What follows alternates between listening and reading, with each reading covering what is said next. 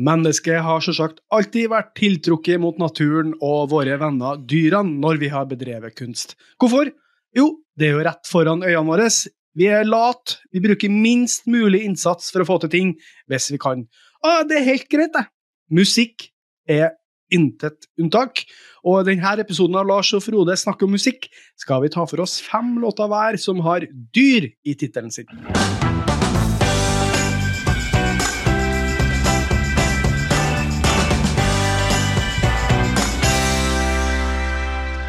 Takk for at du hører på oss, og jeg håper at du kan gå inn og gi oss noen stjerner og tilbakemelding der du hører på podkasten. Følg oss gjerne på Facebook eh, og Instagram, eller sjekk ut hjemmesiden larsogfrode.no. Mitt navn er Frode Fosvold Gjørum, og Lars Berg Holtan. Det er ikke dyre titler vi snakker om, som i at titlene er dyr, men at det er dyr i tittelen på låtene vi skal snakke om. Du har vel ikke misforstått oppgaven, eh, håper jeg?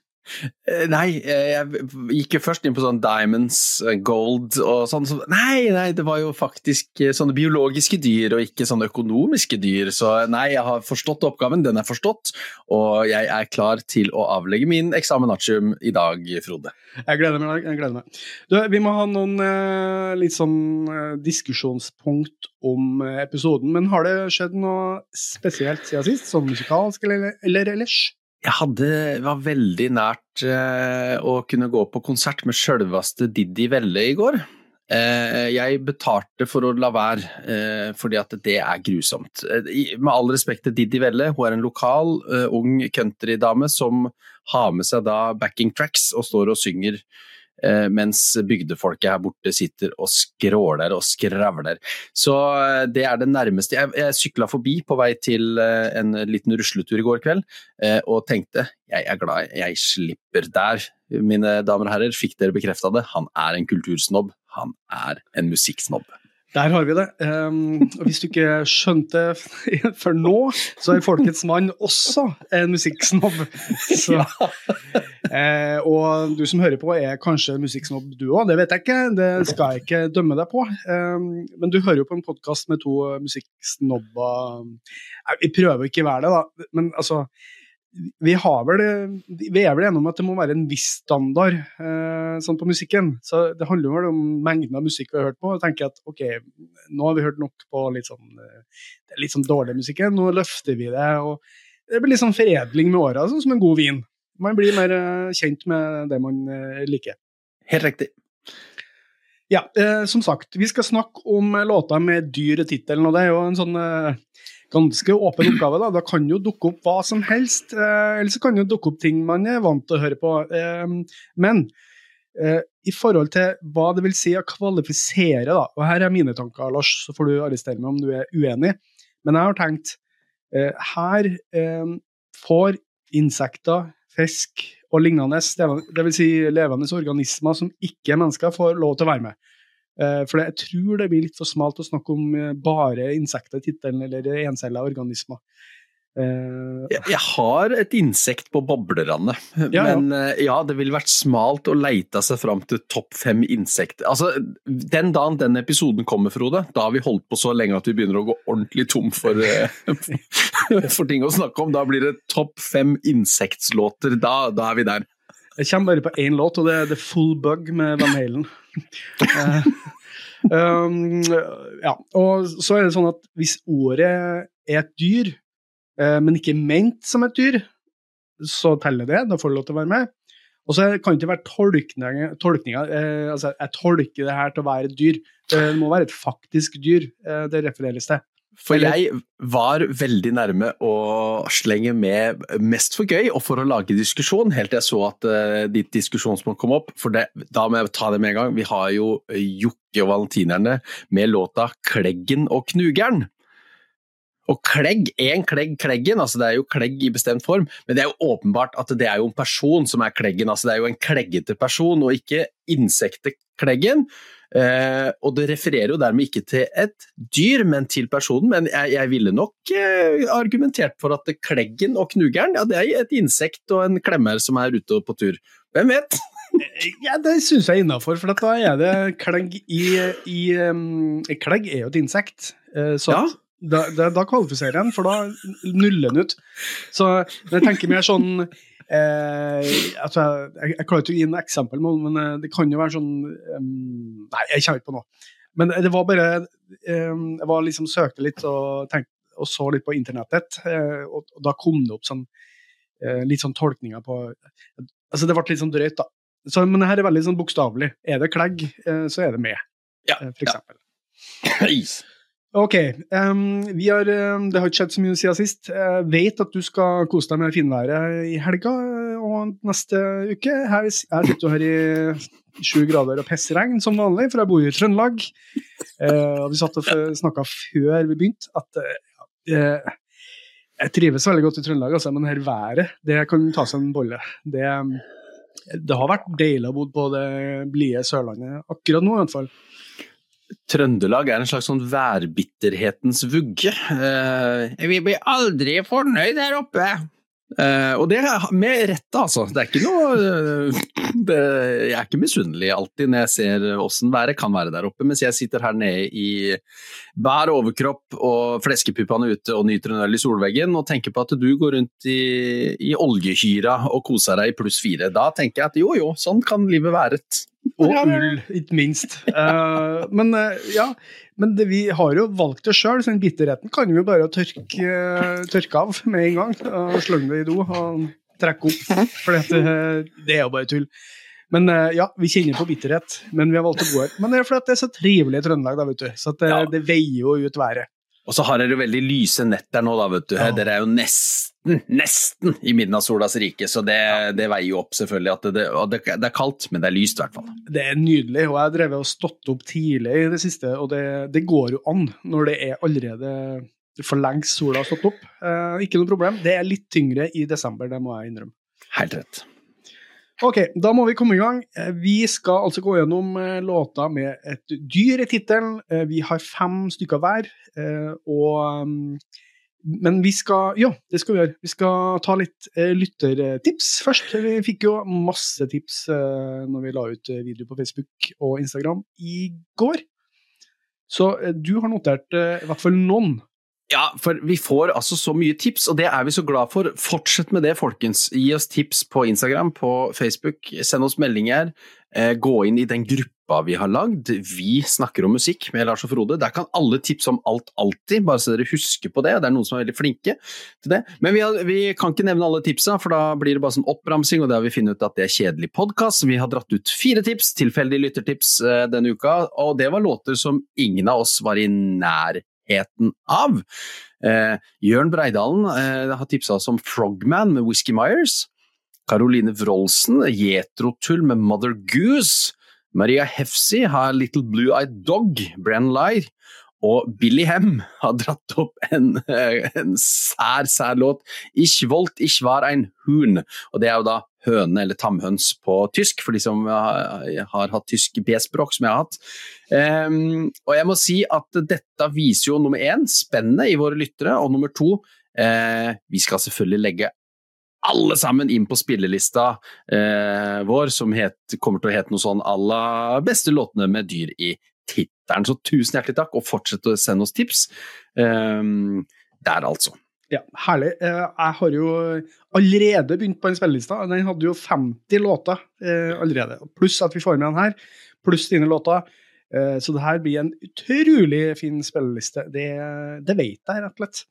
Men du, skal vi ikke da bare hoppe til din nummer fem? Eller din femteplass? Det skal vi. Da skal jeg bare bla litt ned på dette lange i det jeg har skrevet så mye i dag. Beklager. Vi skal, til, vi skal, på min femteplass så finner vi en låt som eh, var en bobler når vi snakka om beste mat, så dette er jo et dyr som vi også kan spise, eh, for nå er den inne på lista, og det er Rooster med Alice in Chains. Når vi først er inne i det hønelandet som Billy Hem eh, la opp til der, så fortsetter vi altså på hanefar sjøl, Rooster, også kalt det litt gøyere navnet Kokk. Men da ville låta nok sannsynligvis ja, Alice in Chains eh, ga ut plata Dirt i 1992, og alle som har hørt på meg før, eh, vet jo at jeg er glad i Alice in Chains. Jeg er glad i grunchen. Eh, og det kan også være et frampek til resten av lista mi, jeg må innrømme det. Eh, eh, og Dirt er jo et av mine favorittalbum, Frode, og kjære lyttere, det er det altså. Det har høy rotasjon, så Rooster er en av de låtene med dyret i tittelen som jeg har hørt mest på, i tillegg. Så det er ikke bare en av de beste, men også en av de fleste, går an å si det på den måten.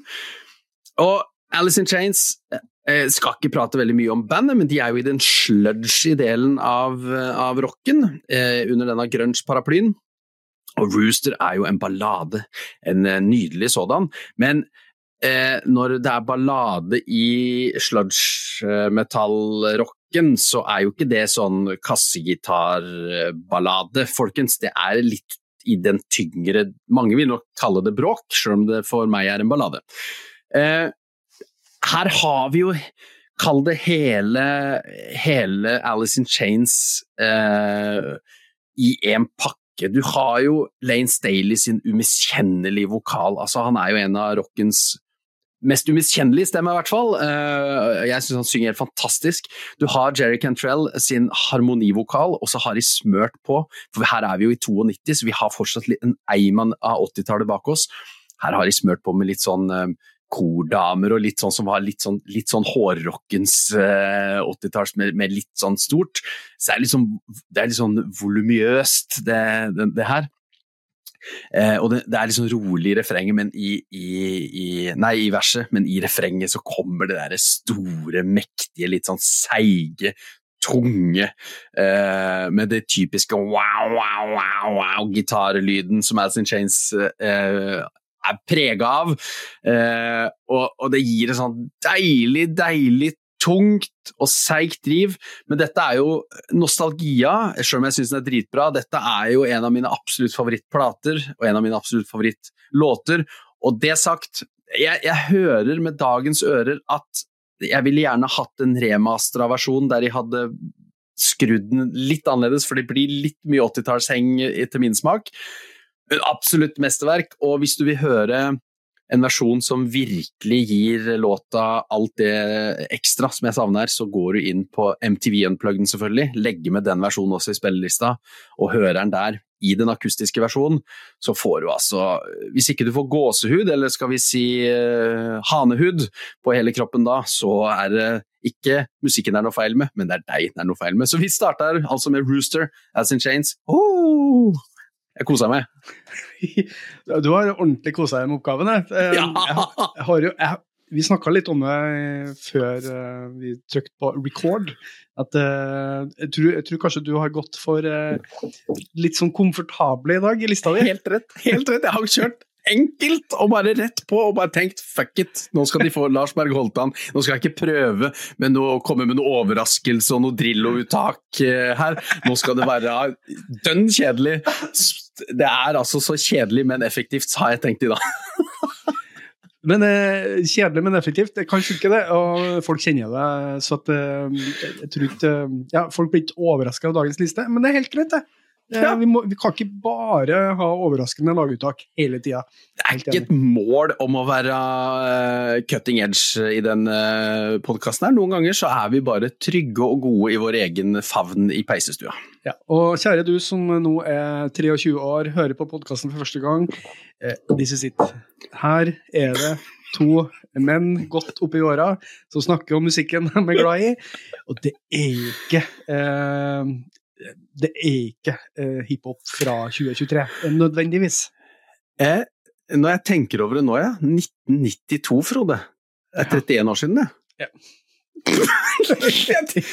så, så, dagens ungdom eh, de, de, som nå ansettes, kan ansettes rett fra høyskoleuniversitet i min jobb nå, som er som 25, de, de, var, altså, de, var, de var seks år unna å bli født når der følte jeg der kom alderen tyngende ned på mine skuldre. Men alle dere kjære unge lyttere, gå tilbake og hør på grunchen. Hør på onkel Lars nå. Mm. Nå skal onkel Lars fortelle dere. Gå tilbake til starten av 90-tallet, dra med dere hele grunchen og få den samme gode musikalske livet som det onkel Lars har hatt. Takk for meg. Eh, vi har ikke lura på hvem som er målgruppa for podkasten, for det tror, jeg, det tror jeg vi vet. Eh, eller hvem som ender opp som målgruppe, i hvert fall. Eh, for vi har jo ikke tenkt ja, Vi ønsker å nå den målgruppa der, eh, for det er en veldig lukrativ målgruppe som kan pøse inn penger. Nei, jeg tror nok, jeg tror nok dessverre at vi ikke når så mange 23-åringer per, per nå. Men tenk om om 20 år, når de går tilbake og hører podkasten. Så, så, kanskje de har oppdaga grunchen, kanskje de har oppdaga rocken. Jeg vet ikke. Hvem vet, hvem vet. Nei, men, eh, men, eh, det er jo gøy å være en slags musikkinfluenser, da, vet du, Frode. Eh, prøve å prege ungdommen også. Selv om vi stort sett sitter og prater til vår egen menighet, altså folk på vår egen alder som sitter der ute og hører på oss, og det er vi veldig glad for. Jeg er veldig glad for å snakke til en menighet. Det bare tanke på at man har en eh, Ok, eh, jeg tror ikke vi skal kalle dem menighet, for det høres veldig eh, feil ut. Men å snakke til likesinnede, det syns jeg er fint. Og at det fins flere. Det syns jeg er veldig koselig så kan vi holde på med det, det vi holder på med. Uh, nydelig, da. Uh, jeg ble jo ikke overraska over Alice in Chains. Jeg, I farta så kommer jeg ikke på den låta, men jeg vet jeg har hørt den mange ganger. Uh, og jeg rakk ikke å gå inn og høre på den i forkant. Men altså, Alice in Chains, Dirt, fantastisk plate. Det her er jo helt innafor det jeg liker grunchen. for meg ja, Alice in Chains og, og, og Soundgarden og Pearl Jam, det, det er akkurat i den fasen der det er sånn som jeg liker godt. Selv om jeg aldri var noen stor grunge-fan, som vi også har etablert før. Men du, du, kunne ikke unngå å høre på grunge i 1992. For øvrig, da var jeg 18 år. Jeg har fått lappen. Uff. ja. Vi hopper til min nummer fem, her, tror jeg. Eh, og ja, det, nå, nå kommer vi til et godt bevis på at man bør skille mellom kunsten og mennesket, for å virkelig sette pris på kunsten, eh, vil jeg si. For nå skal vi til Ted Nugent. Og sjølsagt Cat Scratch Fever, hans mest kjente låt fra 1977. Samme albumtittel som låta. Og hvis du ikke vet hvem Ted Nugent er, så er han jo en eh, eh musiker, selvsagt. Låtskriver Eh, og det som har blitt en politisk aktivist. Eh, han ble berømt på 70-tallet med et band som het The Amboy Dukes, og så ble han soloartist. Eh, og det her albumet, Cat Scratch Fever, og låta, det ble jo en megasuksess i 1977. Det, albumet nådde 17.-plass på Billboard 200. To millioner solgte. Eh, og selve låta Cat Scratch Fever er jo en klassisk rockelåt. Altså en, sånn, en, av de store classic rock-låtene. Og en signatursang. Eh, og så er det sånn at eh, Ted Nugent han er jo en av de, et av de verste menneskene vi har i musikken. Eh, I hvert fall når man kommer fra en mer sånn sentrums venstreorientert uh, Vi tenker at alle skal ha like sjanser del av politikken, da, eh, som jeg tror vi begge gjør, Lars. Eh, for at det her er en konservativ faen på ytterste høyre. ikke sant? Eh, kjempe for våpenrettigheter, at folk skal kunne springe rundt med automatvåpen hvor som helst, ta med på butikken. Um, ja, um, altså Ting som han har sagt, er helt grusomt. Men han har skrevet et av musikkhistoriens mest fengende gitarriff Eh, og et av de mest fengende låtene. Det er en utrolig simpel låt, for det er i praksis ett langt riff som går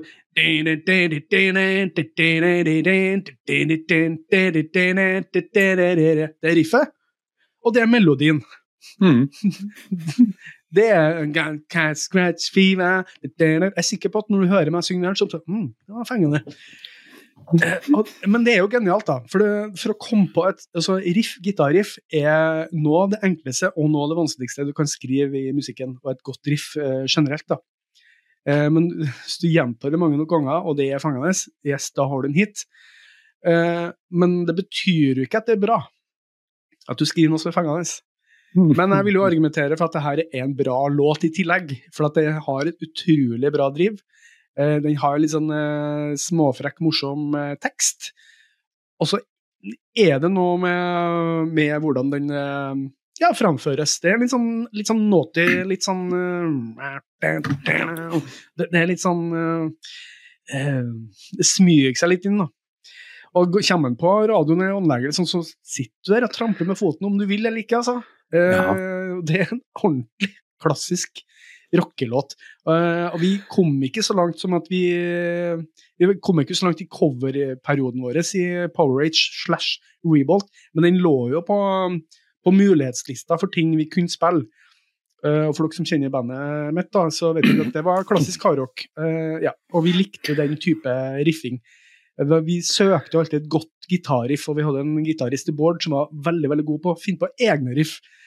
og Kanskje han var inspirert, jeg vet ikke. Så det er min nummer fem. Et av musikkhistoriens verste mennesker, med et av klassisk, nei, en av de beste rockelåtene i musikkhistorien. Det, sånn, det går faktisk an. Ja, Frode, nå, jeg hang meg litt opp i det med Powerage Rebolt der, jeg. For denne låta her for jeg, jeg, Det er jo en låt som alle har hørt. Altså Om du ikke har hørt om den, så setter du den på og 'Å ja, men den har jeg hørt'. Det, det, det tør jeg påstå. Eh, eh, og jeg er jo helt enig med deg. Eh, så enkelt og effektivt, og likevel bra. Det er jo en Altså, den hadde låtskrivere hadde de funnet den Sareptas krukka der hver gang, så hadde det jo vært lett. Men ja. det, det, viser jo hvor vanskelig det er. Ja, men Den høres jo så lett ut. Jo, men gjør det sjøl, da. Det er jo noen millioner som prøver dette hver eneste dag. Veldig få som får det til. Så all ære til artisten Ted Nugent. Men jeg hang meg opp i det. Denne låta her, Frode. Ja. Fy fader, hvis Rebolt eh, på, eh, Powerage noen gang skal ha reunion, så vil jeg at dere skal For den her jeg digger jo stemmen din, og du tror jeg hadde tilført denne låta det lille ekstra som jeg kanskje savner, for jeg syns ikke han er verdens beste vokalist. Nei, det er han ikke. Så der tror jeg du jeg hadde vrengt deg ut der som en litt sånn Tatt på deg noen hvite sko, litt Biff Malibu-aktig der, og, og, vrengt deg ut på scenen, så hadde jeg kosa meg glugg, altså. Hæ? Ja, det har vært stas. Faktisk, eh, Den musikalske opplevelsen jeg har hatt den siste uka, eh, tenkte jeg ikke skulle si noe om, men det er faktisk Pga. noe annet så kom jeg over noen gamle opptak eh, fra bandet. Fra eh, en konsert vi gjorde i 2005, som faktisk ble tatt opp på video. Ganske dårlig kvalitet, ganske dårlig lyd. Men faderullan, så gode vi var. Ja, dere var dritgode. Det rocka. Jeg blir, jeg blir alltid sånn Wow. Det er fordi at Når det er i nuet, når du lager det, så er du på en måte fornøyd, men du er også veldig kritisk, og du hører alt som ikke er bra, ja. som du burde ha gjort bedre. Uh, og så ser jeg jo videoen, den smellfeite fyren i 2005 da, som var 30 kg tyngre enn han er i dag. Så blir jeg litt sånn OK, jeg kan ikke se på det. Der er Biff Malibu-referansen din. ja, nettopp. Og han, var jo, han i 2005 var jo inspirert av Biff Malibu, det har vi jo snakka om før. Eh, man har ikke trengt å kle seg i den dressen der og da, men, eh, men ja, vi rocka, og vi var definitivt inspirert av sånn type ting som det her. og vi hadde et hjertebra driv. Jeg måtte hadde en liten eh, utveksling med Knut Erik, eh, bassist i bandet her, og jeg sa at vi, var gode. Så ja, det var vi. Så det er sånn godt å tenke tilbake på, da. Eh, så litt synd at det ikke ble noe mer enn en EP og en demo og noe greier. Men eh, jeg, uten å ha hørt de to låtene lagt oppå hverandre, så satt jeg nå, for jeg satt bare på Cat Scratch Fever litt sånn i bakgrunnen for å få litt sånn stemning når du prata. Så tenkte jeg Cat Scratch Fever da, da, da, Og vi er Pelle Parafins bølgeband Cat Scratch Fever Kunne man hatt en mix-up der? Hvem vet? Mashup heter det kanskje. Hvem vet, så kanskje Tramteatret var inspirert av den type. Skulle ikke forundre meg, altså. Og så skulle jeg bare si, når du sa at ja, er det ikke bare å lage en sånn uh, låt en gang til, da? Ted Nugent prøvde jo det. Fikk han ikke til. Nei. Ikke sant? Det er one golden strike. That's it. That's it. Ok, Nok om uh, Ted Nugent, eh, nok om meg og min musikkhistorie. Da hopper vi til din fjerdeplass. Men nå, Da skal vi over til noen som har treffet spikeren på huet opptil flere ganger, i opptil flere konstellasjoner, Frode. For da skal vi til gruppa Temple of the Dog, eh, eh, som er en supergruppe. Og de ga ut sitt eneste album i 1991 som heter Temple of the Dog. Og her blir det mye dyr, altså. Eller mye bikkjer, for låta heter Call Me a Dog. Uh, så her er det The Year of the Dog her, altså. 1991, hva er det, mon tro? Det er grunge, ja. Det er grunge. Dette er en supergruppe eh, til minne om Andrew Wood. Og for de som ikke er like dypt ned i grunchen som meg, så skal jeg prøve å ta det veldig kjapt. Andrew Wood eller Andy, da, var jo eh, eh, vokalist i Mother Lovebone og Malfunction. Og Mother Lovebone er noe av det kuleste eh, crossoveren mellom 80-tallets eh, hårete eh, rock og, og, det som da ble grunchen. Altså, det er altså, en fest og tyrverkeri. De rakk jo ikke mer enn et album før Andy Wood døde av en heroinoverdose. Sånn man skal En viss prosentandel av disse rockeheltene skal jo dessverre det. Altfor ung, selvfølgelig. I Model of Bone så hadde jo han med seg bl.a. Eh, to karer som heter Jeff Ament og Stone Gossard, som jeg jo er glad i den dag i dag, for de er jo medlemmer av Pearl Jam. Så hadde det på en måte ikke vært for Andrew Wood sin dødsfall, så hadde vi kanskje heller ikke fått noe Pearl Jam.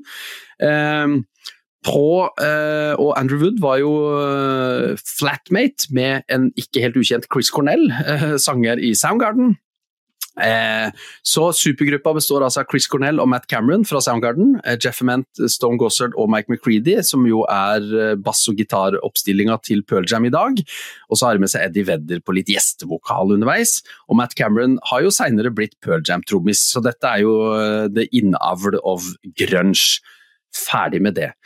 Eh, det som er så spesielt med denne plata her har jo ikke Pearl Jam blitt danna ennå. Soundgarden har jo bare gitt ut et par plater og er litt sånn i brytninga på å, å slå gjennom. Vi er jo helt, helt i starten av grunchen. Dette er jo 1990 som den blir spilt inn.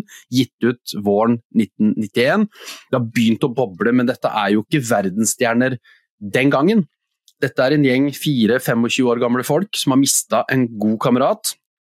Eh, og det gjennomsyrer hele plata, og denne låta spesielt. Det er Her har vi det som vi prøver å formidle, Frode, at musikk er følelser. Og her klarer disse unge herrene å få fram nettopp det. De går ikke i studio for å spille inn en monsterhit eller en plate som skal bli eh, verdenskjent. De spiller inn for, kall det en sorgprosess, sorgmestring, få ut sine følelser og samtidig hedre sin, eh, sin døde kamerat.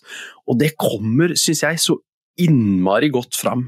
Dette er en gjeng som bare gjennom eh, noen uker og jam session bare har Å, fy søren, dette er måten vi skal hedre eh, kompisen på. Og, og, vi er tilbake til den der du er 16 år og jammer i garasjen, på en måte. Du, ikke, du, du vil bare få ut det du har inni deg som bobler.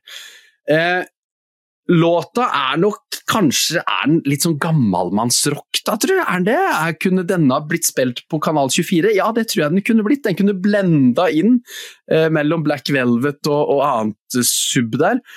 Samtidig, i min verden, så har den jo en enorm kredibilitet. Eh, det er en trist, trist tekst om, om ikke gjengjeldt kjærlighet, eh, fremført av rockens aller beste stemme. Der har du en påstand, men den står jeg ved. Eh, Chris Cornell, altså for en vokal den mannen har. Eh, og det går ikke an å mislike. Det er ganske nedpå, det er litt piano, det går i sakte fart. Ikke de store utskeielsene i den låta her, men det er vakkert. Jeg syns det er veldig veldig vakkert, men som sagt, litt over til det gammelmannske. Men her ligger lag på lag med følelser og kjærlighet utapå. Og den ble jo ikke populær idet den kom, den ble jo først populær et par år etterpå, når Soundgarden breaka ordentlig, Pearl Jam breaka med Ten. Så plutselig henta de opp Hei, den gjengen her ga jo ut en plate for to år siden. What?! Og så eksploderte det jo. Så dette er et av uh, de store supergruppene som har gitt ut ett album. That's it, og en hedersplate til Andrew Wood, så sjekk også ut Model Lovebone, dere. Det er eh, altså en fest. Men altså, Call Me a Dog med Temple of the Dog, yes, det var fjerdeplassen sin, det. Det, altså, Beklager, jeg var muta meg sjøl, så jeg kom litt sent inn. Um, jeg, jeg, husker jo ikke låta i det hele tatt, men jeg måtte Jeg, jeg tror ikke jeg har, um, jeg har hørt noe mye på den låta. Jeg har egentlig ikke hørt så mye på Temple of the Dog heller, men jeg husker veldig godt da jeg så uh, en video av bandet første gangen, og det var sikkert Hunger Strike eller noe Yes! Det er videolåta, vet du. Mm. Og er det da, på den låta, er det Chris Cornell, eller er det eh, Eddie Weather som synger da, eller er det begge, eller hvordan er greia begge, begge to. Der har du Chris Cornell, og de synger sånn annenhver. Det er jo en det, ganske ikonisk duo. Ja, for det husker jeg at jeg tenkte Fader, rulla han for en bra vokalist, da? Husker jeg ja. tenkte. Og så tenkte jeg, sånn, eh, da, Men da tror jeg det, da, var det, da har vi kommet over i grunge, at eh, da hadde de slått gjennom, ikke sant? og så kom den, og liksom eksploderte den òg. Uh, og husker jeg tenkte ja, det her, det her funker. Det funker veldig bra. Og så er jeg enig i din uh, refleksjon rundt låta, at det er i sin essens uh, litt sånn gammelmannsrock. Sakte, uh, det er litt sånn det, er ikke så mye som skjer, men så er det jo da, som du sier, rockens beste stemme. det, det, er ikke noe mange, i hvert fall som jeg har sagt, synger noe bedre og mer sjelfylt enn Chris Cornell. Og da blir det jo noe annet med en gang. Og det sier noe om eh, hva en vokalist kan tilføre. Det er ikke at resten er dårlig, eller noe sånt, men altså, den sounden er jo en sånn gammelmannsrock, som du mm. sier. Men når du får den sammen, og han vrenger seg, og når vi vet hva han slet med, og hva han holdt på med så han, Fra han så kom det jo fra det aller, aller innerste. Da er vi inne på det her med ekthet, og, eh, og, og at det er at, at, at, uh, autentisitet, autentisiteten er helt prikkfri. Og, og hvis du syns låta er veldig kjedelig, så bare hopp rett til sånn Den er fem, fem minutter lang. Hopp mm. rett til sånn 3.30-ish, for da går den altså opp. Og den stemmen til Chris Cornell, når han drar på og går høyt ja, Hvis ikke du får eh, Hvis ikke ting reiser seg både her og der, så igjen, påstand. Det er ikke, deg, det er ikke musikken det er noe feil med, det er det deg. Og så ville jeg sagt nei, ikke skip la deg kjede først, ja. eventuelt. Og så blir du oh, what the f... Ikke sant? For da, så, da, da, da, får du den hele dynamiske reisen der. Helt, helt rett. Og som med uh, Rooster, så slenger jeg altså med, for Chris Cornell ga jo ut denne kassegitar-bok, uh, nei, uh, albumet sitt, Songbook. Der har han jo en kassegitarversjon av denne, alene på en scene, og den, dere får begge versjonene i vår spilleliste, og den er ikke noe dårligere, den, når han står alene med kassegitaren og synger den, for å si det på den måten. Nei. Det er en av få menn med kassegitar som kan dra, få det til. og ikke minst når det liksom dras på. Det er så digg. Når du har en sånn stille kassegitar, og noen faktisk drar på, ikke bare så trist og sårt og sårt og sårt og sårt. Men du drar på det virkelig vrenger sjela inni deg. Ja. Åh, det er godt, det. For du tenker på uh, uh, noe spennende mellom Thomas Dybdahl oh, 'Jeg er så trist og lei meg, jeg er så trist og lei meg' og Chris Cornell. Ja, ja men det er en urettferdig sammenligning, for at jeg liker jo Thomas Dybdahl. Og det, han gjør sin greie så bra, og der jo, ligger jo det sjelfylte i det stille, i, og han drar jo òg fra, fra, sjela, men det bare ikke med volum, nødvendigvis. Men der har du på en måte det at musikk kan være så mangt. Det kan være to, to, menn med kassegitar kan være så langt fra hverandre og likevel berøre oss så mye. Er ikke det musikk, dere? Ja, er, er ikke det fantastisk? Det er herlig. Og så sier det noe om at du må ha kvaliteten, for at du skal virkelig nå gjennom på det. da. Men eh, det handler òg om forventninger. For at du kan òg få en sånn skikkelig god opplevelse med noen med kassegitar når du sitter i eh, et hageselskap, eller noen ikke covrer en låt, da, men også spiller noe som betyr noe for dem. Og hvis de virkelig åpner seg eh, for jeg tror problemet med sånne små altså Når man er litt sånn amatørmusiker, eller man spiller for kjente og sånn, så tar man ikke ordentlig i. Man åpner seg ikke, man byr ikke ordentlig på. Man er liksom bare, Hva tenker de nå, hva bryr, de seg? Nei, man holder litt tilbake. ikke sant? Men jeg tror, hvis du ordentlig åpner deg opp og ordentlig drar på, ikke leker Chris Cornell, men bare er deg sjøl fullt ut, så tror jeg du faktisk eh, Selv om du kanskje ikke skriver like gode låter som på verdensenerne gjør, sånn, så vil det faktisk fortsatt være en utrolig opplevelse for dem som hører på deg, der og da. Så min oppfordring er jo bare å, å bare vrenge sjela og OK, vær sårbar i det du gjør det. det. Da blir det bra musikk uansett, tror jeg. Åh, det var uh, visdommens ord, altså, fra onkel Frode i Trøndelagen. Ja, det var, jeg ble litt overraska meg sjøl, ja, Der leverte du over evne! ja, jeg tror det var godt over evne. Jeg bare bøy på meg sjøl, var sårbar og jeg sa det jeg mente. ja, det var helt fantastisk. Jeg applauderer her borte fra Sørlandet. Det, var, eh, det er noe av det beste vi har sagt i hele podkastens historie.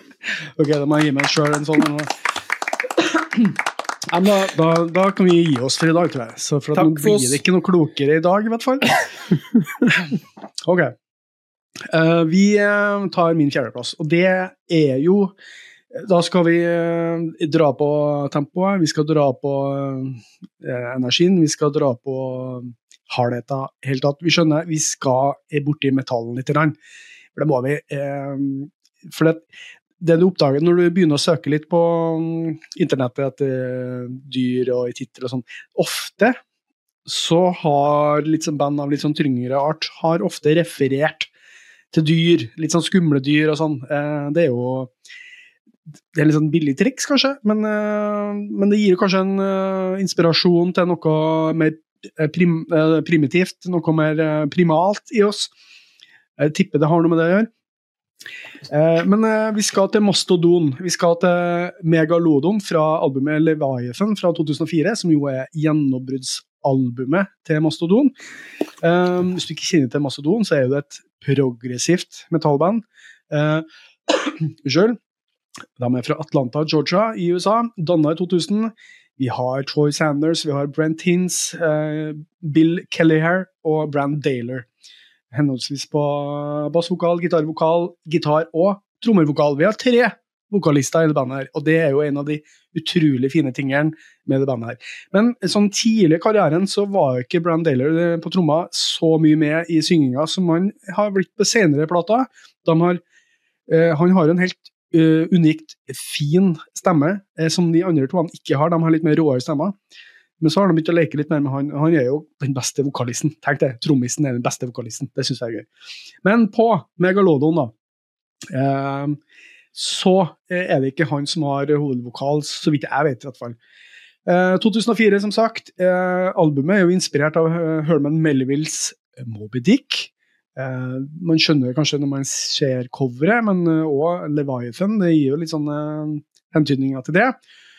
Her er det utforskning av sjøfart, menneskets kamp mot naturen. Og så har vi jo låta her, da, signaturlåta av Macedon, som åpningsbordet Blood and Thunder, kanskje den mest kjente låta deres. Utrolig bra låt. Iron Tusk. her er det teknisk dyktighet, det er blanding av sjangre det er komplekst, det er nyskapende, rett og slett. Og det var det jeg tenkte jeg husker den gangen. 2004, det er snart 20 år siden, det kan jeg nesten ikke tro. Men det var nyskapende. Det var en sound man ikke hadde hørt før i metal, og ikke i rocken. Og det er ganske godt gjort når du har kommet til 2004, og du spiller en uh, sjang, innenfor en sjanger som jo på en måte har vært konservativ, men som òg har laga seg uendelig mange undersjangere. Det er noe av det merkeligste med metallen. Man er konservativ, men samtidig blir det, sprer det seg og utvikler seg i alle retninger. Eh, det er en uh, motstriden altså det er noe, det er noe greier som jeg ikke skjønner går an. Uh, men uh, mennesker er komplekse. det her låta, Megalodon, er jo en av de beste låtene fra uh, den plata. Og det er en av de beste albumene fra 2000-tallet. Punktum. det er proglat, men det er metall, og det er noe av det beste innen moderne metall. Det er um, Megalodon, forresten. Jeg vet du hva det er for noe? Eller hva? jeg vet. Du vet det selvsagt, for du er naturens mann. Ja. Men uh, det er jo en uh, utdødd haiart. En enorm uh, haiart, som er en sånn slags forgjengeren til det vi kjenner som hvithaien i dag. Den levde for mellom 1,5 mill. og 28 millioner år siden, så det, nå snakker vi ur urdyr slash fisk. Det er jo det er dagens første og kanskje eneste utdødde dyr på tittelsporlista. Ja, det er helt riktig. Den var opptil 18 meter lang, hadde 18 cm lange tenner og veide over 100 tonn. Altså, det er jo hvis, eh, Nå skal vi ikke dra det menighetspratet vårt for langt, for hvis vi hadde vært en ekte menighet, så hadde vi jo avskrevet denne haien som en tullefisk, siden den er så mange millioner år siden, for det er jo bare 5700 år, du veit, osv. Eller 47 eller noe sånt noe. Men Eh, snakk om eh, beist, ja. Eh, hadde en sånn svømt rundt i dag, så hadde jeg jo Da hadde jeg hengt meg litt på innimellom den derre 'Jeg skal aldri bade her mer!' hver gang det har vært en sånn skummel sak i eh, området. Du ville hatt et problem, for den har levd over hele kloden. Så det var ikke sånn at den var eksklusiv stillehav eller sånt, nei. Det var den svømt rundt oppi her òg. Bortsett fra at det er 1,5 millioner år siden den døde ut, da. Det, ja. men tilbake til låta det her er jo ikke, Jeg vil ikke si at det her er en skremmende hard låt, men det er jo ikke helt nede på vanlig hardrock heller, sånn som Ted Nugent eller sånt. Men det er jo masse temposkifter eh, og masse forskjellige ting som, som, foregår. og Det er en av de tingene som jeg liker veldig godt med Mastodon, men òg den låta her. At det blir veldig interessant å høre på. Du får se nye ting hele tida. Det skifter, og plutselig går det en sånn, Oi, nå, nå speeda det opp uten, nesten uten grunn, føles det som. Det var ikke noe sånn opptak til at nå, nå går tempoet opp. Nei da, det bare plukk. Eh, og det rocker jo som ville H. Eh, og både låta her og albumet er jo selvsagt årsaken til at eh, Mastodon i dag er et av de største metallbandene i verden. Og det her er jo fra albumet som skapte bandet. Um, um, det er litt sånn um, vanskelig å peke ut akkurat hva som gjør at den låta her skiller seg ut sånn ellers. Uh, men den, den, den, har en sånn spesiell uh, melodistruktur, syns jeg, og, og, og, både vokalmessig og det som foregår ellers rundt. Det er litt sånn skeivt og rart. eh, som gjør det som interessant, da, som sagt, eh, og som jeg liker veldig godt. Og uh, Man snakker om at jeg var veldig fan den gangen, og jeg er fortsatt på en måte fan, eller hva du skal kalle det, eller liker musikken. Og så har man snakket om at noen av de senere albumene liksom har toppa dette her. Ja, det har vært kjempebra, men for meg er Leviathan-plata liksom det helt sånn store, for det, det var et eller annet de, de karva inn eh, navnet sitt eh, og musikken sin inn i musikkhistorien på en sånn helt unik måte. Som, eh, og jeg syns det er så godt gjort å få til det i 2004. Eh, og, og hadde så sterk identitet. De har fortsatt en veldig sterk identitet som er umiskjennelig når du hører det, egentlig. Eh, og Derfor står det både plata og den låta som en sånn påle eh, for meg. Så Eh, sterk anbefaling om å høre på låta fullt ut.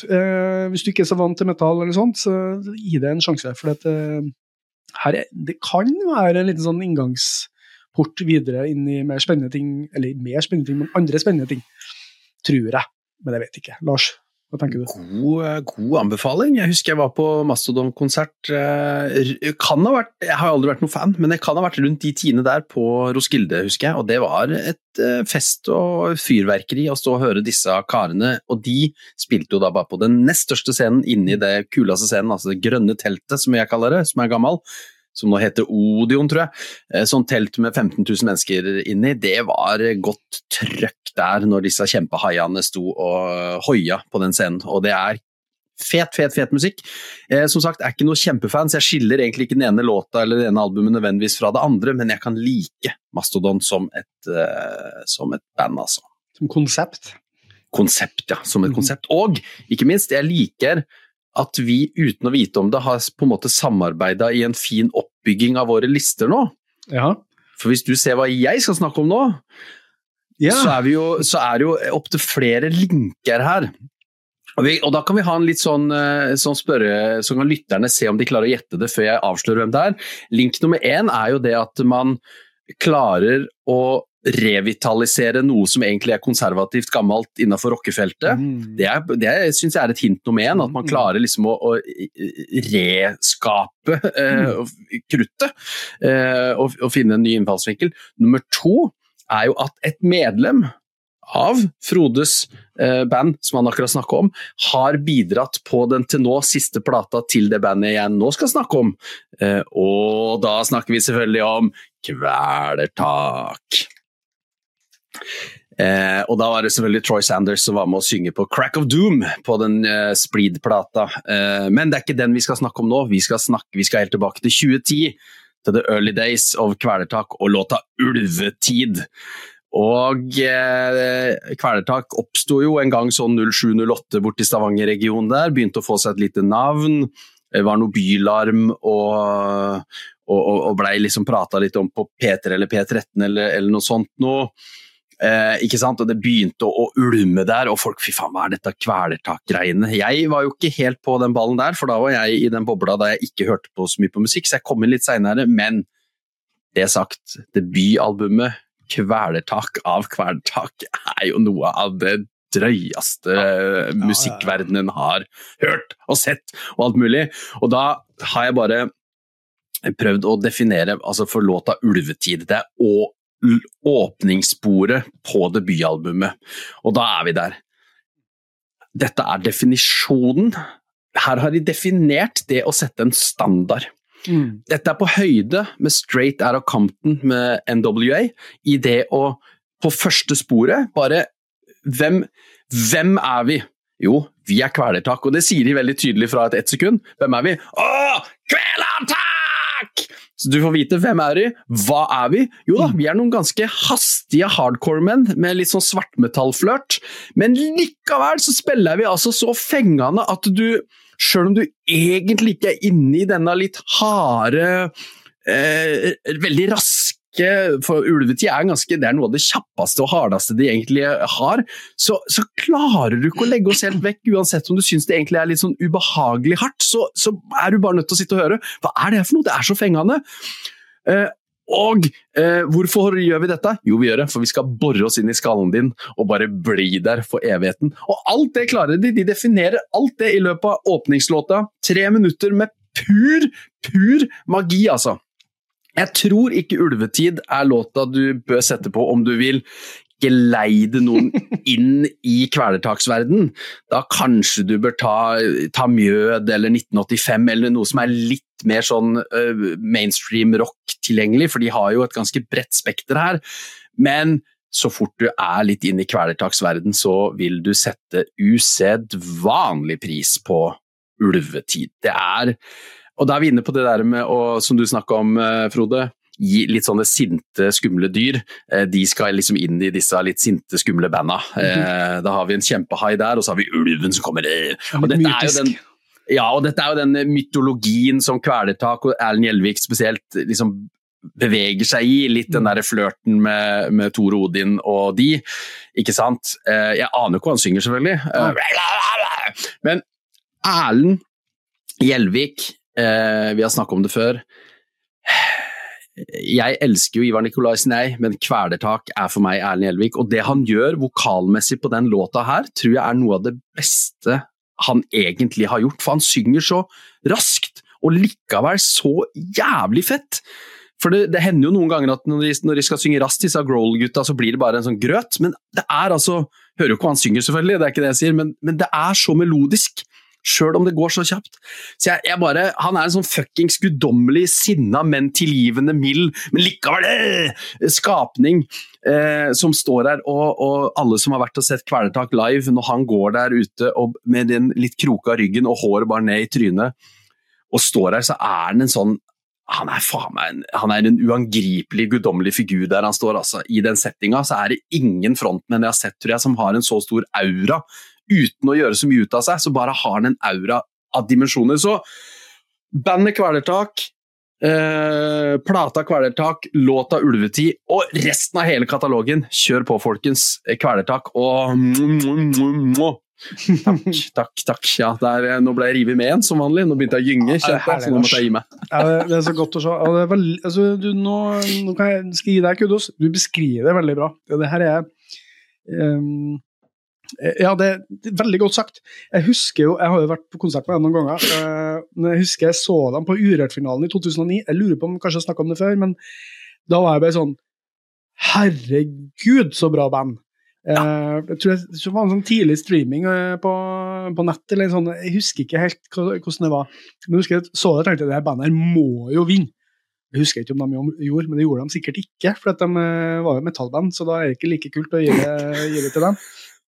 Uh, men da var jeg overbevist, og da var jeg allerede i ferd med å bli Da var jeg fan der og da. Så når da, året etterpå, så kommer uh, debutalbumet, og jeg anmeldte nå i Panorama, terningkast seks, sjølsagt, og jeg vil bare sitere hva jeg sa. Stavanger-bandet har muligens laga det beste norske rockealbumet siden Apokalypse Dudes, altså 1998, Turboneger. Det bør allerede kunne kalles en norsk klassiker. Store ord, jeg vet, men hvorfor ikke bare kalle en spade for en spade? Når sist har man opplevd en slik upretensiøs spilleglede og oppfinnsomhet, blandet med oppsiktsvekkende energi og smart sjangerblanding? Punktum. Eh, det står seg fjellstøtt, det du skriver der! Yes. 25.6.2010. Eh, det var det bare akkurat da han gikk ut. Eh, så den står jeg for, og den tror jeg står seg. Eh, jeg tror ikke noen kan være uenig i det. Altså, jeg mener fortsatt ett av de beste albumene i eh, norsk musikkhistorie, og i hvert fall rockehistorie. Helt enig. Tør ikke si noe mer, egentlig. Nei, så da takk for oss til, eh, til Mastodon og Kvelertak. Og da, da, da også en gøy, gøy link der, ja, som sagt, uten at vi visste om det når vi satte opp listene våre på hvert vårt eh, gutterom. Akkurat sånne, sånne, Vi snakker veldig sjelden sammen i forkant om hvordan Det er ikke noe samkjøring å snakke om, det, men uh, vi, vi, klarer å få det til likevel. Så det blir litt sånn linka. Eh, ok. Da eh, skal vi ta litt annet tempo. Vi skal ned i Ikke valsetempo, men vi skal, vi skal nedpå. Vi skal til Vi må jo ha med Pixies. Vi må jo ha med Monkey Gone to Heaven fra Doolittle-albumet 1989. Eh, Pixies, amerikansk rockeband, danna i 1986, Boston. Uh, vi har jo Frank Black, eller Black Francis, da, som han het, uh, i, eller heter i Pixies. Uh, jeg ble egentlig mer kjent med han som soloartisten på, på 90-tallet, før jeg liksom har oppdaga Pixies. Headache-låta husker jeg veldig godt. 1994-1993 eller noe sånt. Kjempebra låt. Du har Joey Santiago, Paz Len Chantin og David Glovering, og så var det vel ei dame der som jeg, som jeg nå glemmer hva heter for noe. Det er helt ja. um, et av de største alternative rockebandene. beklager at alle fakta er med, men sånn, det har vi advart om helt fra begynnelsen. alle fakta blir ikke med bestandig og er ikke helt korrekt. Uh, Doolittle-albumet er jo ikke bare deres beste plate, vil jeg si. Uh, det er en av mine favorittalbum, uh, og det er ganske mange år nå. Vi har jo The Baser, Here Comes a Man osv. osv. Etablerte jo Pixies som et av de store bandene. det var en stor suksess kommersielt og kritisk. unik lyd, eksperimentelt. ganske ikonisk album, egentlig. Har jo inspirert Nirvana, Radiohead, Weezer, band som vi liker veldig godt, eh, og som vi alle kan høre at linkene til Pixies uh, Monkey Gone to Heaven er jo en ganske nedpå låt, egentlig. Litt sånn dansebandbass, nesten. Dunk, dunk, dunk, dunk, dunk, dunk, dunk, dunk, dunk, dunk, dunk, dunk, dunk. Så, sånn, på sånn første sånn lytt så tenker jeg ja, litt sånn ikke kjedelig, men sånn Det er ikke så eksplosivt som Pixies kan være. Men det som er med Pixies, føler jeg, det, de har en spesiell sound. At de har en eksplosivitet sjøl når det er rolig. Altså Det er noe sånn som du vet ikke De er alltid litt sånn farlige, syns jeg. Det, for du vet aldri helt hva som skal skje. Det er litt sånn truende. Sjøl når det er melodiøst nedpå, så nå, nå, kommer det til å skje noe uventa, og det gjør det alltid. Mm. Eh, og sånn er det litt i Monkey Gone to Heaven òg. Eh, og jeg tror det er den der farligheten, den der uventheten, den lekenheten, den derre Plutselig så er det sånn fullt driv, og de, de er ikke så nøye med de har jo bra produksjon. De er ikke så nøye med om det spilles feil, eller uh, det, og det er litt sånn kauking i bakgrunnen. og Føles veldig live, alt de gjør. Mm. Eh, og det, det, tror jeg kanskje spesielt eh, Jeg kjenner jo best til Weezer, og det, det, tror jeg de brukte veldig mye. Uh, senere, spesielt kanskje på Pinkerton-albumet. Det er jo veldig live album, der det, du hører det foregår ting baki her, og det er akkurat som Og de gjorde det sikkert, satte opp mikrofonene i rommet og så bare spille. Sånn føles det alltid med Pixies. Har ikke hørt så mye på det de har gitt ut det siste året, skal sies. Jeg så dem i pissregnet på Kvartfestivalen i 2004, når de nettopp har blitt uh, gjenforent. Uh, det var sikkert en bra konsert, men det var også miserabelt mye regn. Altså, Du står i Kristiansand, og så pissregner det. det. Det er jo nedtur uansett. Ikke sant? Og så var jeg på festival i Pesterang det er kjedelig. Ja. så jeg husker, Og da var jeg ganske sliten òg, men jeg det var, husker det var veldig stort å være der og se Pixies. Pixies er et ikonisk band. Det er et av de største vi har. Det har, det har så stor betydning, som sagt. Uh, og Monkey Gone to Heaven er en av deres store, store låter. Uh, og jeg mener at Nada Surf har uh, covra den låta òg, uh, som er et av mine favorittband. Eller er det den? Jo, det, nei, jeg husker ikke. De har i hvert fall covra en Pixies-låt. Um, og jeg vil si Pixies er De er de er undervurdert i sånn blant sånn, I det store og hele. Det, de som kjenner dem, vet veldig godt hvor bra det er, og da blir det på musikksnobben og sånn. Men eh, de, har, de, burde vært så mye større enn de er, sånn i musikkhistorien. Det liksom, sånn, men det er fordi de gjorde ikke noe mye ut av seg. Det var bare veldig mye personlighet og greier innad. Eh, jeg tror de har krangla veldig, veldig, veldig mye. Så ja. fantastisk låt. Det var um, ferdig. Takk. Jeg er helt enig i alt du sier. Så jeg, nå har jeg sittet bare nytig og tenkt å, så god han er. Han er faen for flott makker. jeg, jeg minnes at For jeg Pixies var jo Jeg var på Roskilde, og de var der, men jeg, det krasja med et eller annet jeg hadde mer lyst til å se. Eh, og jeg angra litt den dag i dag. Eh, men så var det et eller annet med sånn reunion-konsert eller sånn, nå er vi finnet Det er ikke alltid jeg så, så, ja. Men Pixies eh, er jo et veldig, veldig gøy band, som du sier, og det er eh, mye vellyd, men også det er den live og den du aner ikke helt hva skjer. og Det kommer, det er litt skeivt og det skrangler i vei, men det er mm. så bra.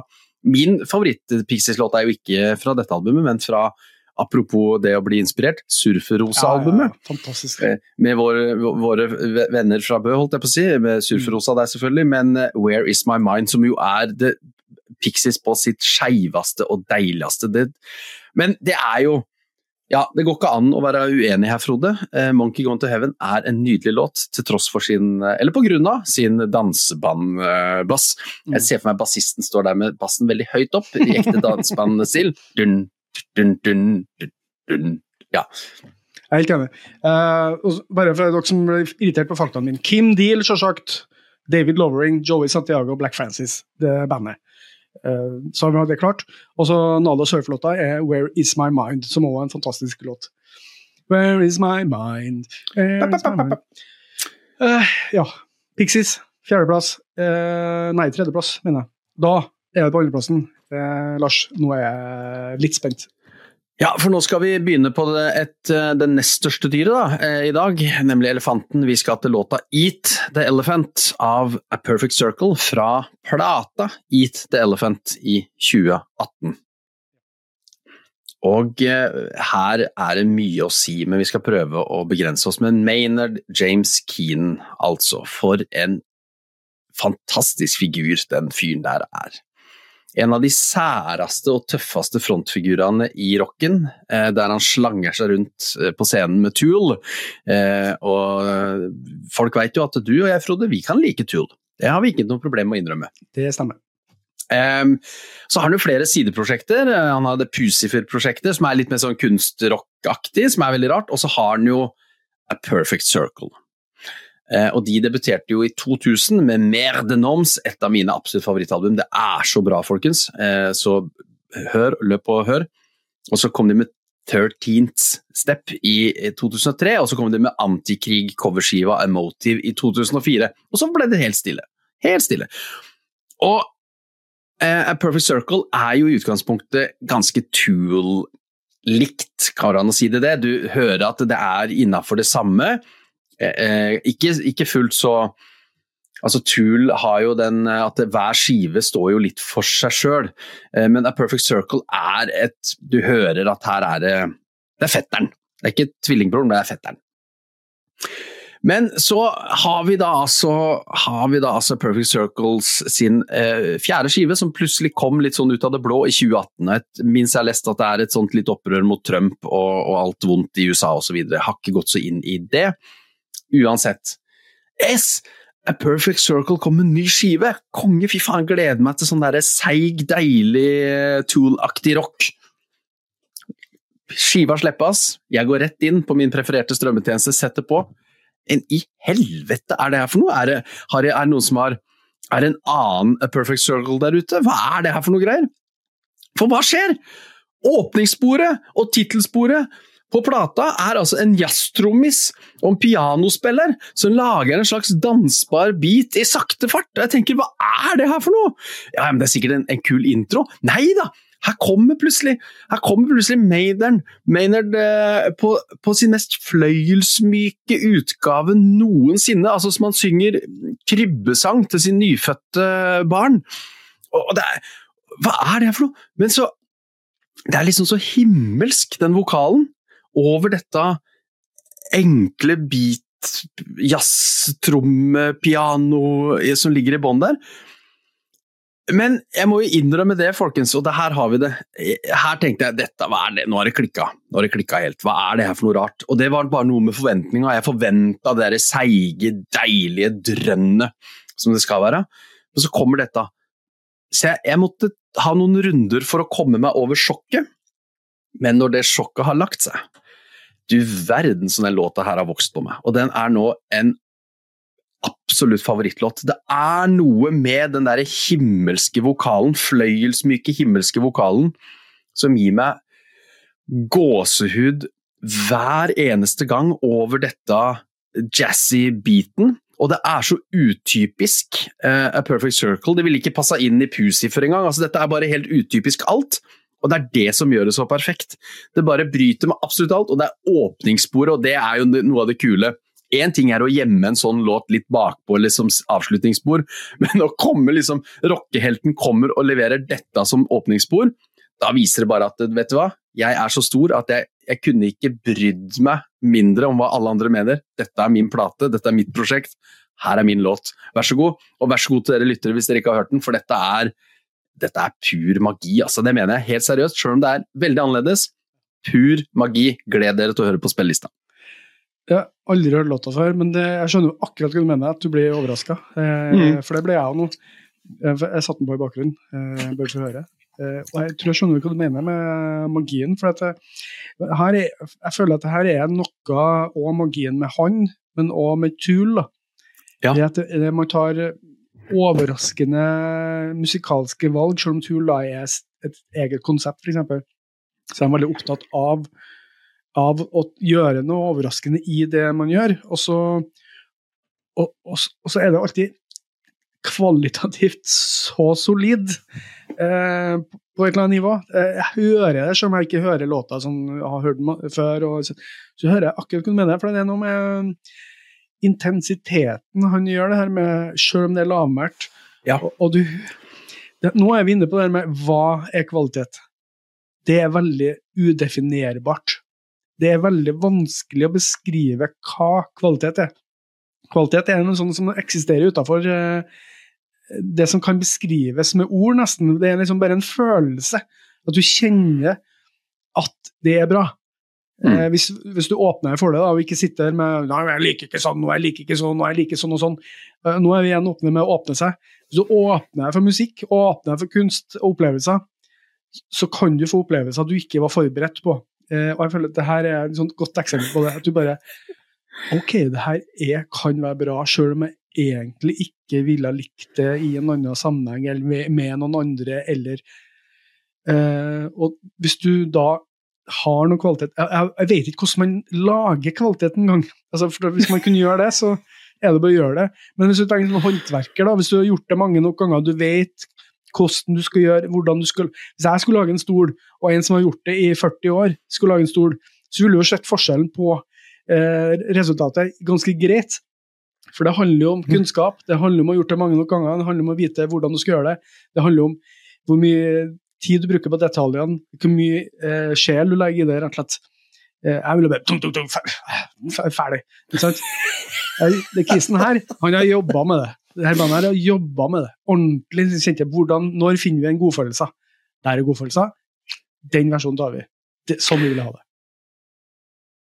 Helt, helt, rett, og det er bare å ta av seg hatten for de gode kunstnerne, musikalske kunstnerne der ute. Det er ikke annet å si. Så eh, som den eh, som den eh, fantastiske merch-T-skjorta du eh, har satt litt i produksjon, Frode, på vegne av oss, mm. eh, sier. Egentlig slutt å høre på oss eh, prate om musikk, gå bare og ja. hør på musikk, dere.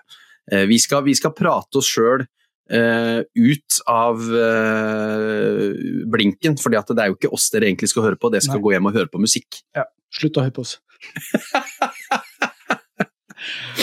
ja, Nydelig. Nå kommer jeg på at jeg sitter jo her i Kvelertak-T-skjorte.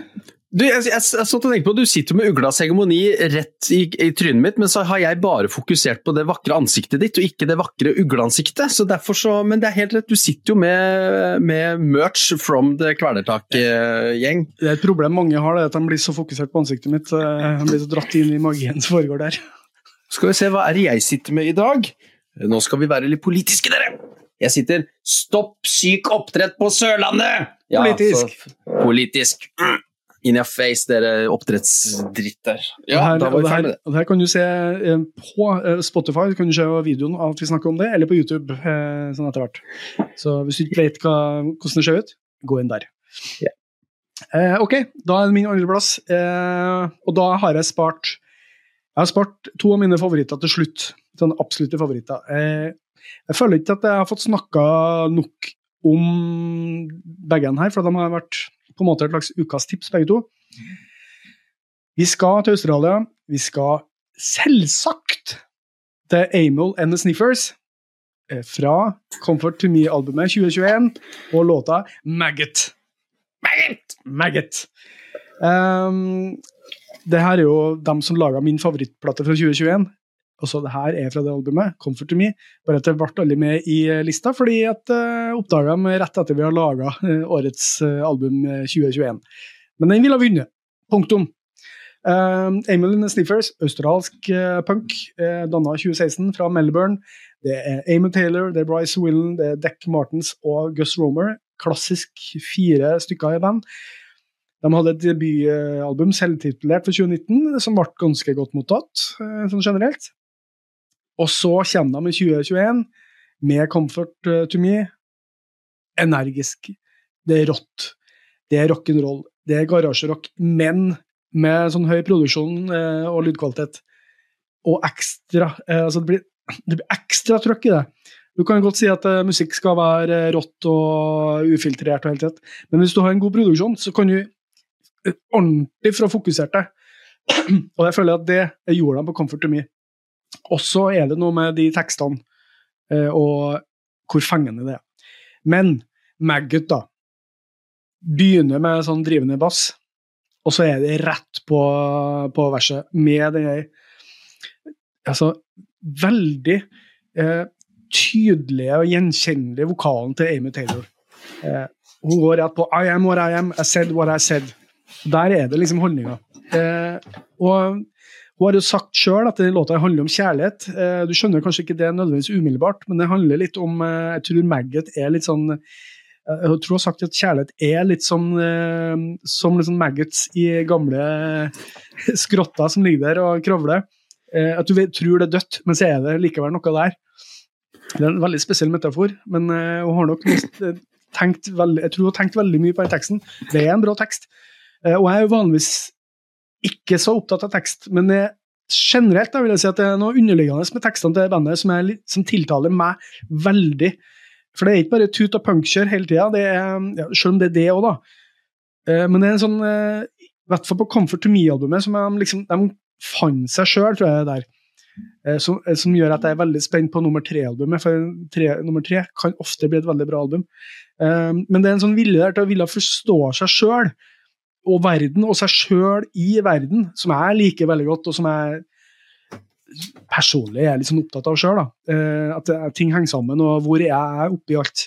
Eh, at man ikke bare går uten sånn eh, Tenker på hva som foregår rundt den. Jeg tror Det er altfor mye mennesker som bare går rundt og sånn er øh, og så, Men hva, hva, slags funksjon har jeg i det her? Apropos eh, bærekraft, og vi snakka litt sånn før vi starta i dag, vi snakka litt om eh, sånn diverse miljøpolitiske ting. Vi skal ikke gå på politikken i det hele tatt, men det med hvor er jeg? Hva kan jeg gjøre? Eh, Hvorfor, hvor passer jeg inn? Både, både, som menneske og det jeg gjør. Men ok, ut av det. det er en låt som er veldig representativ for bandet inn, sånn som de har blitt. Den har den musikalske umiddelbarheten. Ektheten. Ektheten, Lars. Det er så ekte. Og så er det som sagt sjølreflekterende og, reflekterende over ting. Men det er så, det er så fuckings ekte. Altså, jeg, blir, jeg, har sagt det før når jeg om jeg blir så glad av hvor ekte det er. Det, det er så rått. det er så Alt som synges og spilles, er bare rett i fletta, og det kommer rett ifra hjertet. Det er full åpning, som vi snakka om. Ja, du kan flire av det, men det er, ja, ja. man åpner seg. Det er ikke noe atall. Man holder ikke tilbake noe som helst. Uh, det her er jo ikke den beste låta på albumet, men det er nesten. Uh, og det er nesten den beste låta på lista her òg. Åh, oh, men jeg elsker bandet her, Lars. Jeg elsker det så hardt. Og det, det, det er det albumet de siste åra, ikke siden, tror jeg, vi var på Caravels og The Hotelier-kjøret, som jo er en helt annen retning og helt annen greie, men som òg var veldig ekte. Og her er det bandet som jeg har kjent de siste åra, som har vært mest ekte, og som jeg har oppdaga, og som bare jeg er blitt veldig glad av. Og så skal jeg bare avslutte med at ti, torsdag 10. august, folkens, så spiller Amel and the Sniffers på Øyafestivalen i Oslo. Og det er jeg faktisk dritsur for. Tenk det, da. Altså, det her, den konserten kan jeg tenke meg godt på. Men da er ferien min akkurat over! Jeg har akkurat vært i det området en god stund. Pengene mine er brukt opp. For jeg har ikke 1400 kroner å brenne på en dagsbillett. Og så spiller High Viss, som jeg snakka om før, også den dagen her, sammen med Blur og noen greier. Men det er liksom to band jeg kunne tenkt meg sett, og Amy and Sniffers. Men hvis du har muligheten, gå og se det. da. Gå og se det for meg, i hvert fall. Ja, ja, Er det noe håp om at de skal innom noen andre norske festivaler, uh, tror jeg? Nei. det er eksklusivt på øya? Yes. God damn it.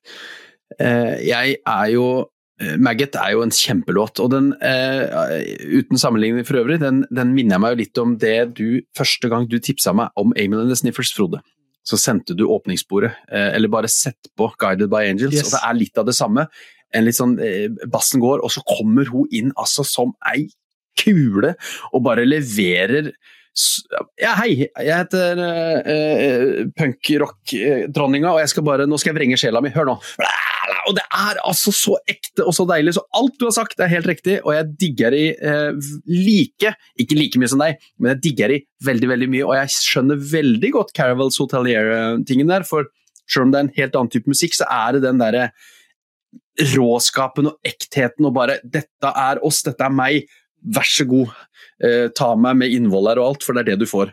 Og det er så deilig eh, uprentasiøst, hvis du vil kalle det det, og bare levere seg sjøl så jæklig ut. Og det, jeg digger det. Så dette er kjernen av det gode i musikken. Det er det, altså. Helt enig. Uh, og det jeg er veldig glad for at jeg det, det, er helt tilfeldig, men, uh, men, kanskje det har ligget i bakgrunnen. Men når jeg snakker om det med ekthet og åpne, åpne seg og sånne ting, så, så er det jo her fortsettelsen, og det her er på en måte selve definisjonen på det jeg mener med å bare gi av seg sjøl. Uh, og hvis du har sett bare én uh, video eller live-video med det bandet, så skjønner du hva jeg mener. Den dama her er fullstendig i musikken, og hun bryr seg ikke om noe annet enn å være i den musikken. Og det er altså så befriende. Og jeg har hørt også at de konsertene der tar det til et helt nytt nivå sant, fra plata. Så eh, det tror jeg blir årets opplevelse for dere som er der. Men jeg må jo si da, dette bandet ville jeg mye heller sett inne på Sentrum Scene eller en annen litt mindre sted yes. enn et sånt halvhipsterblasert ja. Øya-publikum. Bare så er det sagt, altså. Uten forkleinelse for Øya som sådan, for det virker å være en kanonfestival. Men jeg ser jo for meg åssen den litt, litt distanserte uh, gjengen som For de spiller sikkert ikke ja, de spiller sikkert ikke headliner helt på kvelden, så står de litt sånn baki der og nikker litt sånn pent. Ja, det var jævlig fett, jeg var der og, og det var stilig. Fuck you. Uh, ja. Fuck you! Ja. det her må du foran, altså. Jeg mener, du kan godt stå igjen ute, altså, men ikke si noe. Ikke, nei, jeg var nei. der. Jeg var Hvis jeg møter en faen om noen år, så, så si sånn. Jeg var, jeg står bak, det var veldig fett, altså. Åh, jeg har skjønt det. Mm. Det var, det var, helt greit, liksom. Jeg hadde akkurat fått, fått meg en sånn økoburger. Jeg sto bak der og nøyt den liksom mens de spilte. Det var jævlig fett, ass. Oh, nei, jeg kan ikke tenke på det. Jeg, ikke, jeg, håper, jeg, håper, jeg, håper, at de kommer tilbake i neste runde. Altså. Så da, da, skal jeg se dem. Men altså, det er så utgjort, for jeg er i området like før, men det går ikke. Jeg må på jobb. Så ikke jeg at Bob Willen skulle spille på norsk festival òg, Frode? Det var noe snakk om det. Jeg vil tenke på jeg, Du vil ikke høre om det? Nei, da går vi videre på min nummer én, da, yes. så, så, slipper vi å grave oss mer ned i dette. Yes, go, go, go. ja, og det er ikke låta Go, som du tror, men det er fra samme plata. Det er fra Versus-plata 1993 av mitt absolutte favorittband, Pearl Jam. Og beklager, folkens. Beklager at, uh, at det blir Pearl Jam-snakk igjen, men som vi annonserte uh, for en time siden, eller noe sånt nå, i dag har Lars gått for det trygge. Og, og, dette er jo så trygt.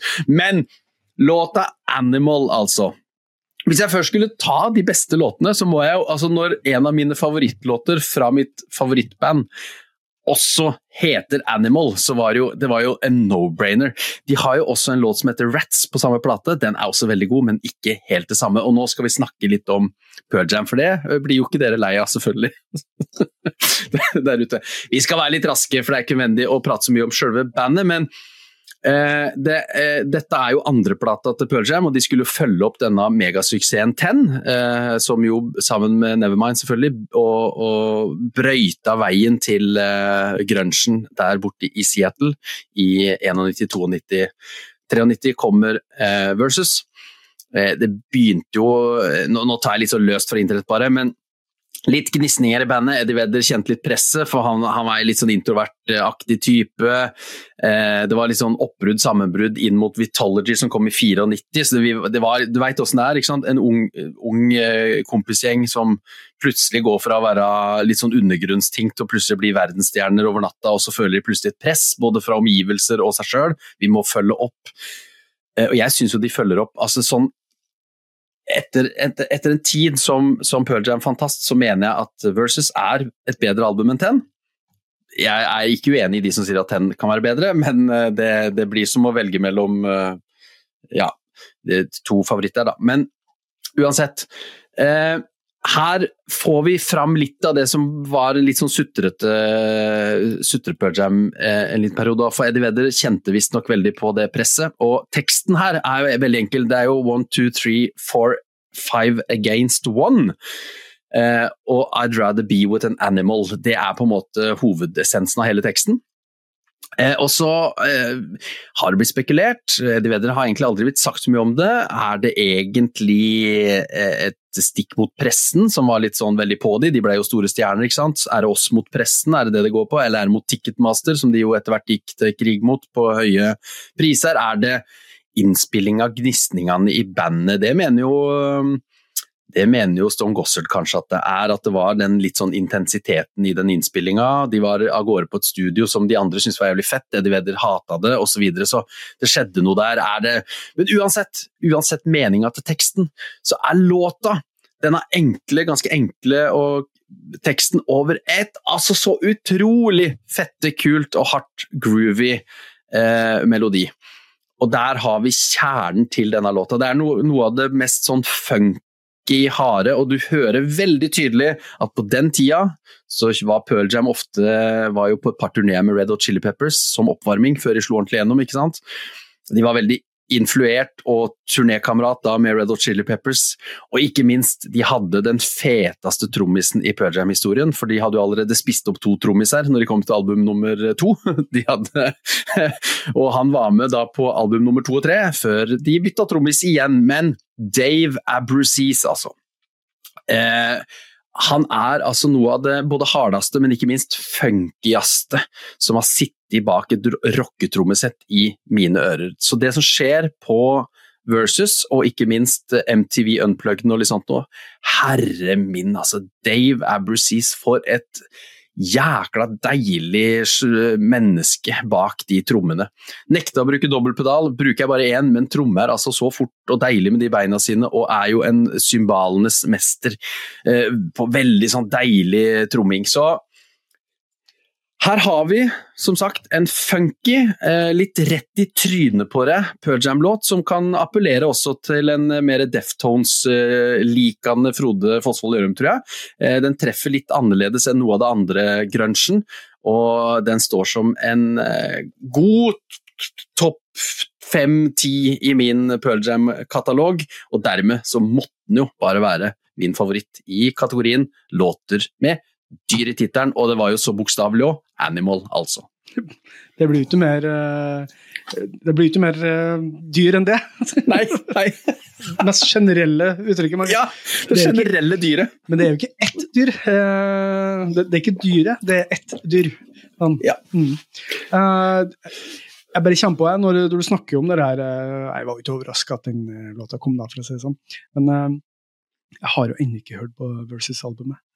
Men når jeg hører låta nå, så bare Wow, det her er jo, her er jo jeg kan like. Så Helt rett. Nå, nå, nå, Lars, nå lover jeg. Nå skal jeg faktisk Har jeg en gleden av å skulle dykke inn i det albumet her. Og gratulerer med dagen! Det er på året 30 år siden eh, noen andre hørte det første gang. det er sykt. Eh, jeg ser jo at det det er ganske langt album. Det er, det er en time langt, 15 låter, så det, det er noe å ta tak i. Ja, men da har du den remastera versjonen, oh, ja. tenker jeg. For da har de okay. slengt på tre sånne bonuser på tampen. Okay. Minst ja, det, det. var en sånn tre kvarter-ish uh, originalt. To bonustracks står det her. Ja, og det er Crazy Mary og noe Creedy Stump eller noe sånt noe. Hold on, ja. De putta jo på noe der, Nå tar vi den lille, bare det lille stikket en gang til. Kan dere slutte med de remastera med bonuslåter? Jeg vil bare ha originalalbumet. De kan godt remaster originalalbumet, ja, ja, ja. men ikke, ikke stapp på sånn syv, åtte, tolv bonustracks! I don't give a shit om den demoen som ikke kom med. Plutselig Nei, da gi det ut på en sånn egen sånn demoplate, hvis det er sånn dere Sånn, da fikk jeg ut det lille egget der jeg hadde. altså. Ja, vi har jo den, vi har snakka om det før. Eh, og jeg vil si det som er enda verre, når man legger ved liveversjoner Enig. Ah, slutt med det. altså, Vi snakka om det før, eh, men alle de live-tingene som man putter inn i nye Se, når det kommer noe nytt fra det bandet! Oi, spennende! Og nå er det en liveversjon fra 1997. Ja. Fuck it, altså. Fuck it. Eh, men det handler jo om algoritmene til de greiene vi bruker til. Da. Så jeg ville, I en sånn en gammel verden så ville jeg bare gått meg hus forbi, for jeg ville ikke brydd meg. Jeg, eh, men jeg ville jo heller aldri gitt det ut, da, for det ville jo kosta for mye å gi det ut. Nå har du det enkle med det digitale, at du bare kan slenge ut hva som helst. Ja. Nei, tutt, tutt, uh, tut og hør, slutt med det. Gratulerer med førsteplassen, uh, Pearl Jam. Eh, det, ja. jeg skal, jeg skal bare, skal jeg, nå skal jeg inn, og så skal jeg på den engelske Wikipediaen til Pearl Jam skrive 'also nominated as best uh, animal track in the biggest Norwegian indie podcast about music', Larsen Frode. Så nå ja, ja, nydelig. Ok. Uh, vi skal en helt annen retning. Ny, mye nyere band. Uh, helt annen musikkstil. Vi skal til Må jeg få lov til å snakke om dem igjen, da? Moron Police. Det norske bandet Moron Police med låta The Dog Song fra albumet About On The Sea. Siste albumet, albumet de har gitt ut. De har gitt ut en EP, og det her var 2019. Uh, det her var vel tredje studioalbumet, tror jeg. Jeg har ikke helt oversikt. Uh, Moron Police, progressivt rockeband. Danna i 2010, var litt sånn festmusikk uh, av det hardtslående til byen, med litt sånn baluba-band, egentlig. Og så litt sånn ja, metallaktige greier. Og så, med Abotonesi, så ble det mer sånn eh, Eller prog-pop-rock. Eh, og da har man alltid hatt litt sånn viss sans for melodi, men det er jo her, her er det jo, slår det ut i fullt. da, ikke sant? Eh, Botanuseri består jo av åtte spor, eh, og de har turnert overalt. Eh, og på det albumet her så ble det ikke bare fengende og mer melodier, men det ble også mer sånn eh, litt sånn eh, tydelig verdenssyn i tekstene deres. Så de begynte å mene ting, faktisk, om, eh, og på en veldig snedig måte. Igjen det med tekster som jeg vanligvis er så opptatt av her er det veldig artig å, å lese mange av tekstene. Og så fikk de jo stort, en stor platekontrakt med et uh, japansk plateselskap etter albumet her. Uh, her er, de ble anerkjent i prog-verden. Um, kan du si at uh, sangen er jo Altså The Dog Song er jo Moron Police oppsummert i dag det er melodisk strålende, altså jeg vil si rett ut megafengende. Eh, det begynner med en sånn, litt sånn leken saksofon som hovedinstrument. Eh, nesten litt sånn corny intro til en sånn eh, middels 90-tallsserie på dagtid, som gikk på TV2, eller noe sånt.